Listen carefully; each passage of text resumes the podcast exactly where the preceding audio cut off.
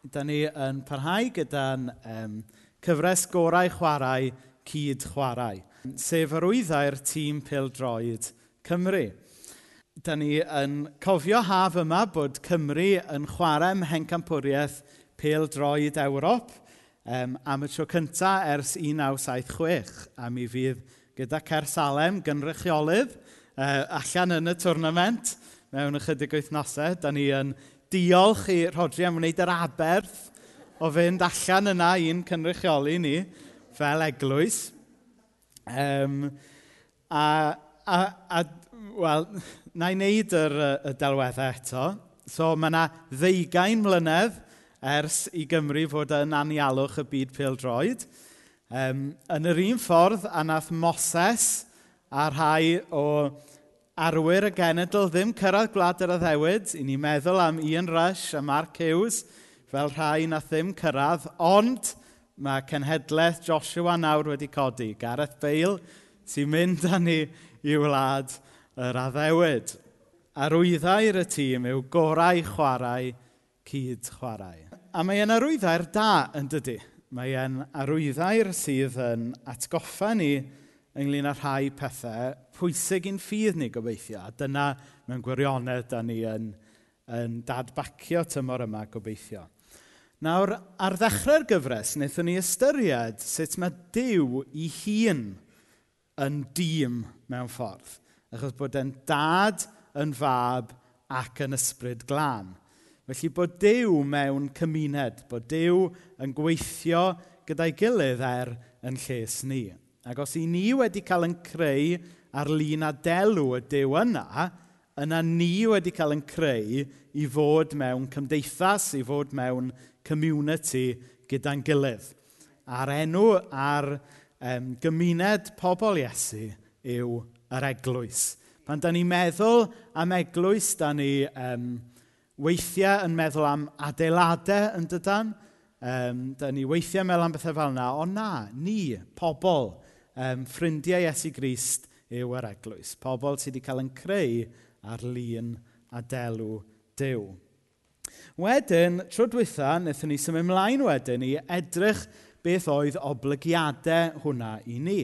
A wnaethon ni edrych ar llyfr yr actau a gweld bod, bod Dyw wedi'n galw ni i fod fel teulu mewn gwirionedd. A wnaethon ni drafod rhywfaint o beth yw'r gwahaniaeth rhwng bod yn glwb a bod wir yn deulu. A wnaethon ni edrych ar er, be mae dilynwyr pildroed o mae e'n fwy na clwb, mae e'n deulu.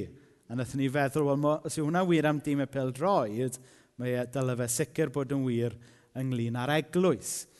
Um, a wnaethon ni edrych ar bywyd yr eglwys yn actau ac yn edifeiriol wnaethon ni weld bod yr eglwys heddiw yn reit wahanol i'r eglwys i ni'n gweld yn llyfr yr actau. So wnaethon ni herio yn hunain i weld, gyda help yr ysbryd glân, sut y gallwn ni fod yn debycach i'r eglwys i ni'n gweld yn llyfr yr actau. A mewn ffordd, parhau ar hyd y trywydd yna ni'n mynd i wneud heno. Wrth drafod sut mae'r eglwys yn gallu bod ac gweithio fel tîm. Mae'r neges yma yn i weld trwy y testament newydd, ond mae e ar ei fwyaf clir falle yn yr adnodau nes i ddarllen gynnau o 1 Corinthiad 12. Yna i ddarllen un o'r adnodau eto. Mae'r corff yn uned er bod iddo lawer o rannau gwahanol. Ac mae'r holl rannau gwahanol gyda'i gilydd yn gwneud un corff. Dyna'n union sut mae hi gyda phobl y Mesoea. Oedd yr apostol Paul, oedd e'n gallu bod yn boring ar adegau. a fod yn deg gyda fe. Um, chi'n gallu dychmygu nawr yr, y rhyfeiniad yn mynd yn eiddigeddus o'r Corinthiad yn cael y llythyr yma gyda'r delweddau byw yma a hwythau wedi goffo chwysu dros y penodau maith ynglyn a'r ddeddf. Ond um, clod i ddew mae Paul yn y llythyr yma beth bynnag yn defnyddio delwedd fyw iawn, llythrenol, chymryd sôn am gorff, i drafod um, beth yw yr eglwys. A mae e'n esbonio bod yr eglwys fel corff, yn llythrenol fel corff. Yn un corff, yn unedig ond yn wahanol rannau. Gyda pob rhan yn dod â rhywbeth arbennig, ond eto pob rhan yn dibynnu ar ei gilydd. Nawr, mae dy fi ambell stori sy'n sy darlunio hyn pam bod yn bwysig bod yr holl gorff yn dibynnu ar ei gilydd. A dwi'n gwybod bod rhai o'n chi wneud aroliadau gwyddoniaeth um, ar hyn o bryd, so peidiwch don't quote me os ydych chi eisiau pasio yr arholiad, basically. Um, ond mae'n siŵr bod chi gyd, um, falle pan ydych chi wedi bod yn sal neu rhywbeth, yn sylweddoli bod rhannau o'ch corff yn cyd-gysylltu gyda'i gilydd – mewn ffordd byddwch chi byth wedi dyfalu y bydden nhw. Um, dwi'n cofio unwaith, ges i um, broblem gyda'n rhoed ochr yma. Felly, o ganlyniad, o'n i wedyn rhoi fwy o bwysau ar y goes yma. A wedyn ar ôl chydig ddwrnodau, gynnau boen yn y goes yma. Er oedd dim byd yn bod ar y goes yna, i ddechrau oedd y broblem yn y droed yna. A mae'r stori yna, dydy, yn dangos sut mae gwahanol rannau o'r gorff yn, yn cydgysylltu fel um, bydden ni ddim wedi um, meddwl y bydden nhw. Um, enghraifft um, arall cyfoes iawn, ac i ni gofio mewn gweddi, yw Patrick um, Edwards, y, y gweinidog o America, i ni'n cofio amdano ac yn gweddio amdano ar hyn o bryd. Fe gath um, Patrick stroke, um, wel nifer o strokes bach chydig wythnosau yn ôl. A, ac oedd e'n cochi rhywfaint o leferydd a cochi defnydd o, o'i freichiau. A beth oedd yn achosi hwnna oedd problem yn yr ymenydd. Wedyn, beth oedd yn achosi'r problem yn yr ymenydd oedd bod y galon, problem yn y galon oedd yn danfon clots fyny i'r ymenydd. Felly, felly mae, mae salwch Patrick yn dydy yn enghraifft arall o sut, dwi'n cael hwnna'n iawn, Lowry? Sut mae gwahanol rannau o'r corff i gyd yn effeithio ar ei gilydd ac i gyd yn dibynnu ar ei gilydd.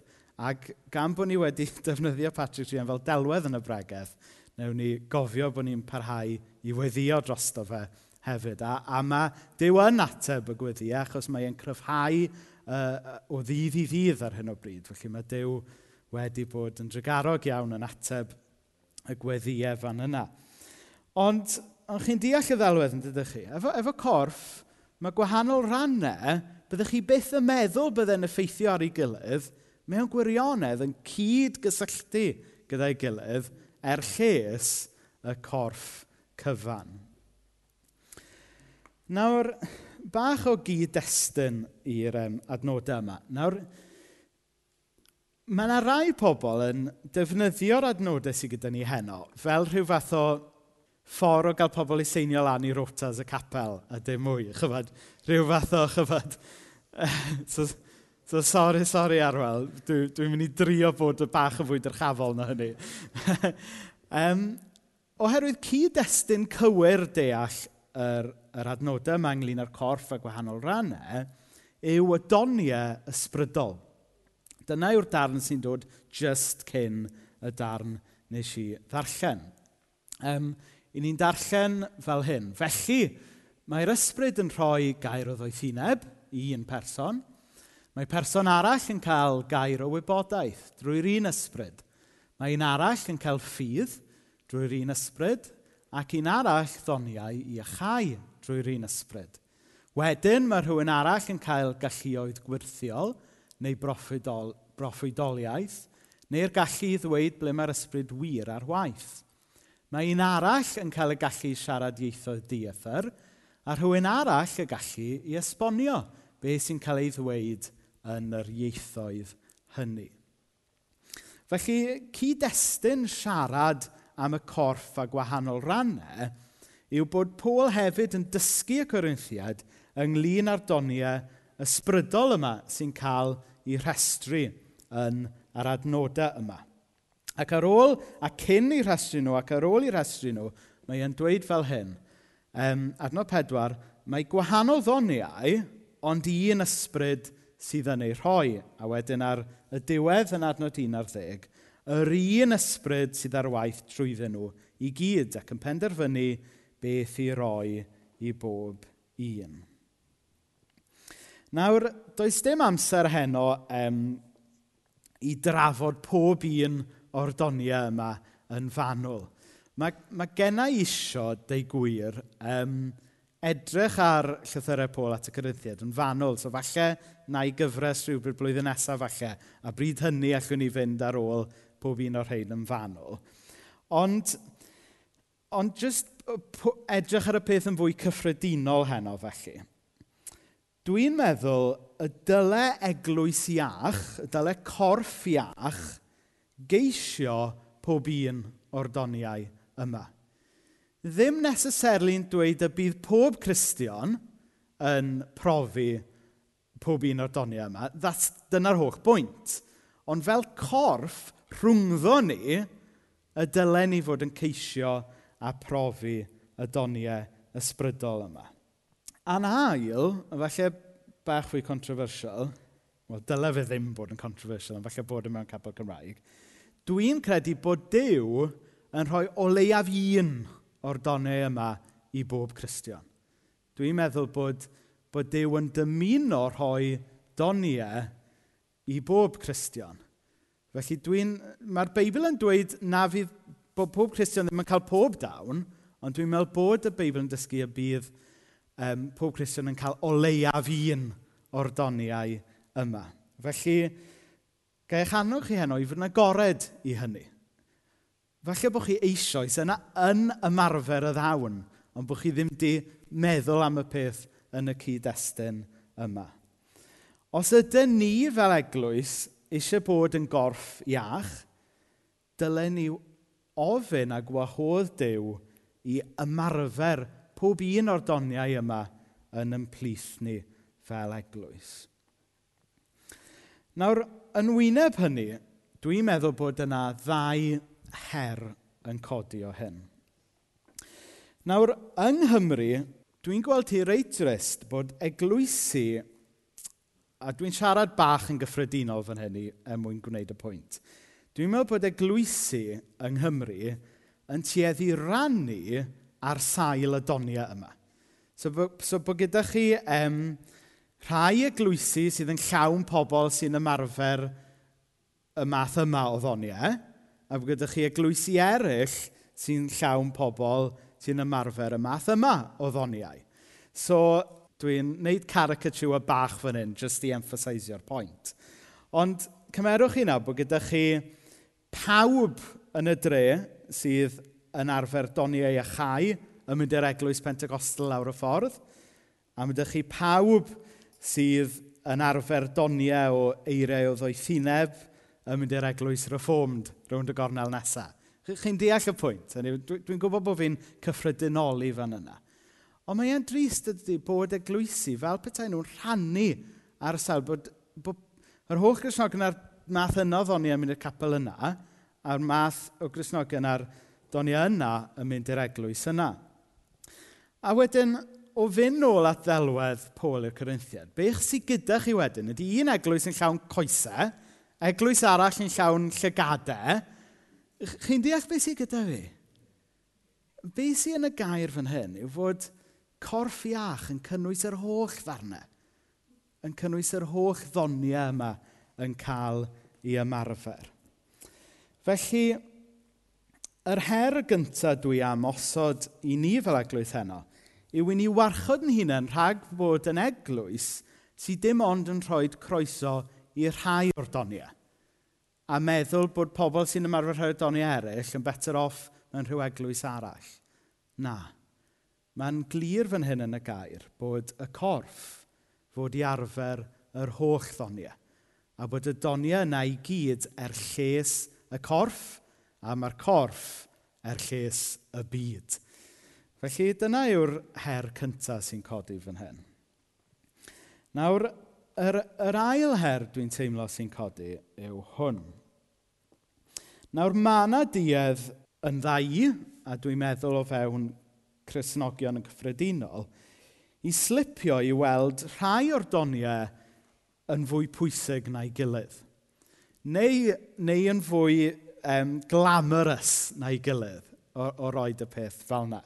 Ac falle bod ni'n gallu syrthio i fod yn eiddigeddus o ddawn i ni'n gweld y mywyd Cristion arall. Mae yna um, berygl yn does i ni fod yn eiddigeddus o ddoniau mewn Cresnogion eraill. So mae rhaid ni warchod yn hunain rhag hwnna. Um, oherwydd, mae yna gam ddealltwriaeth yn does. Da ni fel pobl yn rancio y doniau am ryw reswm. Bod yna rhai doniau yn fwy braf i'w cael na rhai eraill. Ond beth sy'n glir iawn yn yr adnodau yma gan Paul yw bod pob un wedi cael ei rhoi gan yr ysbryd. Bod pob un er lles y corff. Felly does dim rhyw fath o hierarchy. So does dim, does dim diben i ni fod yn eiddigeddus o ddawn i ni'n gweld yn bywyd Cristion arall. Dylen ni fod yn llawenhau gyda y person yna. Oherwydd, pan mae'r person yna yn ymarfer dawn gyda chi ddim, mewn, gwir, mewn ffordd anuniongyrchol, da chi yn ymarfer y ddawn. Achos da chi'n rhan o'r un corff, da chi'n rhan o'r un eglwys a'r person yna. So dwi jyst eisiau ni fod yn ymwybodol o'r perygl yna, i ni beidio bod yn eiddigeddus o ddawn ysbrydol y mywyd rhywun arall, ond i ni lawenhau. Oherwydd, os yw Cristion arall yn ymarfer dawn, dyda ni heb i brofi, mae'r person yna yn rhan o'r un corffa ni. Felly fe allwn ni lawenhau. Mae'r corff yn uned er bod iddo lawer o rannau gwahanol. Ac mae'r holl rannau gwahanol gyda'i gilydd yn gwneud un corff. Dyna'n union sut mae hi gyda phobl y Mesoea. So, o, o ddefnyddio delwedd Pôl, y Cristion yna yw dy glist di, a ti yw i benglin e. Chi deall beth sy'n gyda fi? So, neges reitfyr sy'n gyda fi heno, da ni'n dod at y diwedd nawr. Ond dwi eisiau gorffen fel hyn. Dwi eisiau gosod yr her beth yw'r ddawn ysbrydol mae Dyw wedi roi i ti, er mwyn i ti fendithio bywyd yr eglwys, a thrwy hynny arfogi yr eglwys i rannu'r newyddion da gyda'r byd. Mae capelu traddodiadol Cymraeg fel yn capelu ni wedi rhyw fath o feddwl mae pedwar dawn ysbrydol sydd mewn gwirionedd, sef pregethu, chwarae'r organ, dysgu yn ysgol sil, a wneud bara brith. Er mor arbennig yw'r pethau yna, da ni, mae eisiau ni edrych ar hau yn does. Da ni, da ni wedi methu gymaint o'r doniau mae Dyw eisiau roi i'w blant. Mae Dyw eisiau roi i arfogi yr eglwys er mwyn bod yn halen a goleini yn y byd. Achos mae'r byd heddiw, mae'r gymdeithas sy'n ni'n byw heddiw yng Nghymru, angen corff, angen eglwys sydd yn fully functioning er mwyn rhannu, er mwyn pregethu, er mwyn dangos y newyddion da i'r byd sydd o'n cwmpas ni. Mae'r byd angen eglwys sydd â pob rhan o'r corff yn gweithredu gyda'i gilydd. A mae dwi'n credu, os ydych chi yma heno yn adnabod Iesu Grist, mae Dyw wedi ac eisiau rhoi dawn ysbrydol i chi. Um, chi yn eich perthynas a'ch cerddediad gyda Dyw a gyda'r ysbrydlan sy'n gwybod beth yw'r dawn hynna. Um, ond mae e wedi rhoi e i chi, nid i gadw mewn cwpwrdd, ond er mwyn i chi ymarfer yma yn y corff, er mwyn i ni annog yn gilydd, er mwyn i adeiladu yn gilydd, er mwyn i ni fel corff wedyn ddangos i'r byd fod Iesu yn maddau, fod Iesu yn rhoi bywyd newydd. A dim ond corff a pob rhan yn gweithio gyda'i gilydd a wir ddangos cariad Dyw i'r byd. Er mwyn i enw. Amen.